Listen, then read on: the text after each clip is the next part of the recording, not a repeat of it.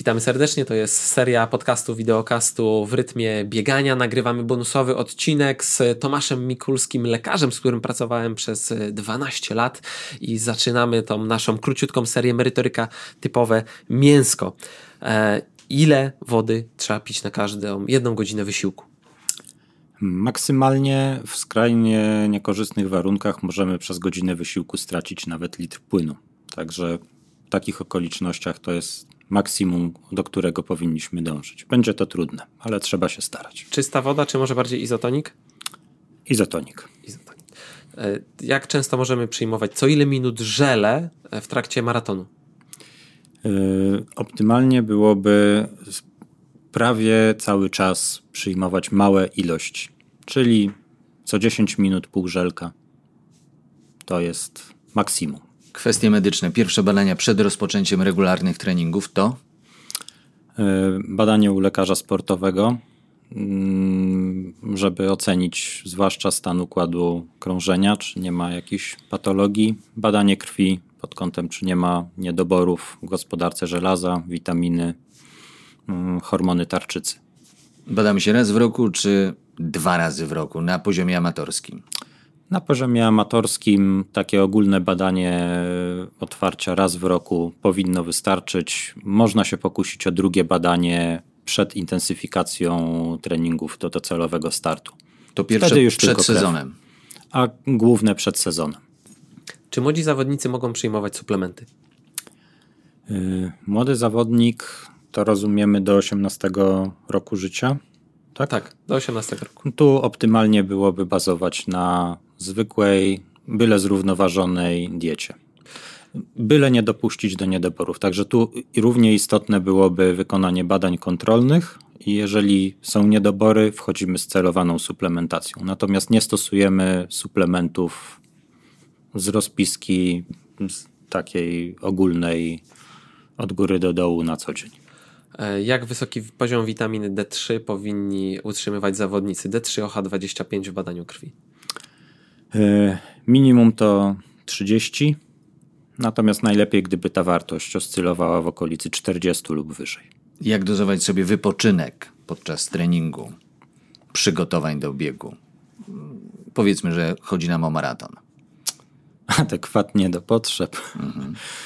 Do istotnych treningów, mm, do akcentów powinniśmy przystępować w pełni wypoczęci wtedy one będą przynosiły rzeczywiście zamierzoną wartość. Dla jednej osoby to będzie 1-2 dni przerwy między akcentami, dla innych 5 tydzień.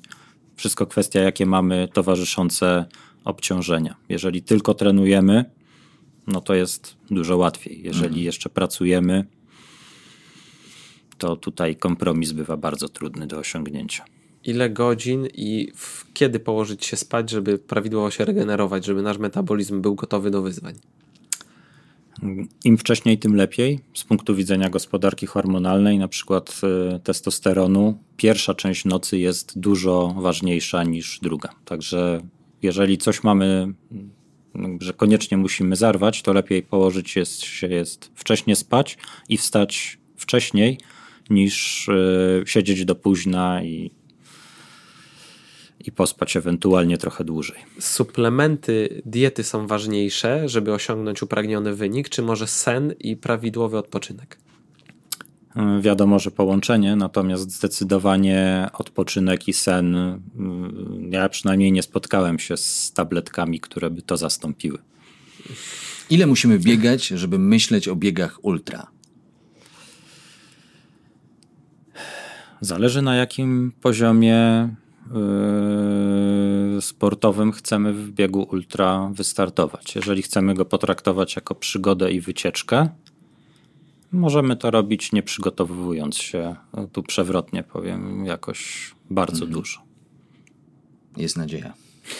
Dlaczego zawodnicy maratońscy yy, z punktu widzenia fizjologii powinni biegać nawet wysiłki w granicach 50 km w trakcie treningu? Yy, to jest właśnie moje zdanie, że dlaczego najdłuższy dystans, jaki zawodnik pokonuje, to jest w trakcie startu. Uważam, że w celu wytworzenia adaptacji i metabolicznych, też i psychiki, yy, powin, dystans startowy powinien być krótszy od takiego, który się najdłuższego pokonało na treningu. Nie mówię, żeby co tydzień biegać 50 km, ale w cyklu przygotowania do maratonu jeden, dwa treningi mm, o długości dłuższej, y, no oczywiście dużo niższej intensywności, może z przerwą na jakieś rozciąganie, sprawność, żeby nie doszło do głębszych uszkodzeń mięśniowych, uważam za uzasadnione. Tylko trzy suplementy diety które powinny znaleźć się w tak, rutynie każdego biegacza? Woda, węglowodany, yy, elektrolity. Można ewentualnie się pokusić o aminokwasy, zwłaszcza te o rozgałęzionych łańcuchach. Trzy badania krwi, które warto mieć zawsze w swoim panelu badań, bez względu na to, czy badania okresowe, roczne, czy po prostu czymś się martwimy. Trzy panele badań krwi morfologia, gospodarka żelaza, czyli ferrytyna, nie samo żelazo, tylko ferrytyna, e, witaminy D, B12, foliany. Warto robić badania wydolnościowe?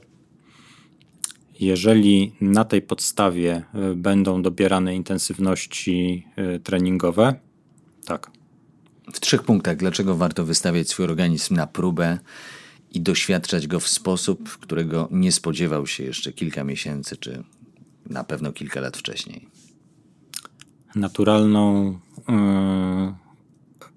yy, drogą, jaką podąża człowiek ten, jest chęć poznania. Więc bardzo zachęcam do poznawania niezbadanych dotychczas obszarów. Yy, jakby zacząłem pracę naukową kierując się tymi przesłankami. Poszło to w kierunku wysiłkowym poznawania coraz to innych rodzajów wysiłku, innych długości. I z tak zebranego doświadczenia bardzo namawiam, żeby próbować różnych dyscyplin, różnych długości wysiłku, po prostu poznawać sport, możliwości swojego organizmu i przekraczać granice, bo te granice są subiektywne. Biegamy z zegarkiem z GPS-em, a warto biegać z zegarkiem, który ma i GPS, i pulsometr?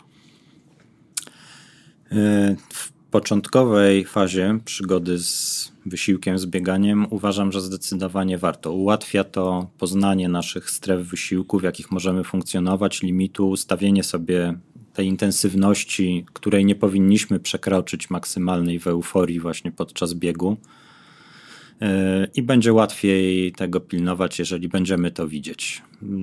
Pytanie, czy wystarczy czujnik nadgarstkowy, czy, czy jednak nie sięgnąć po pasek.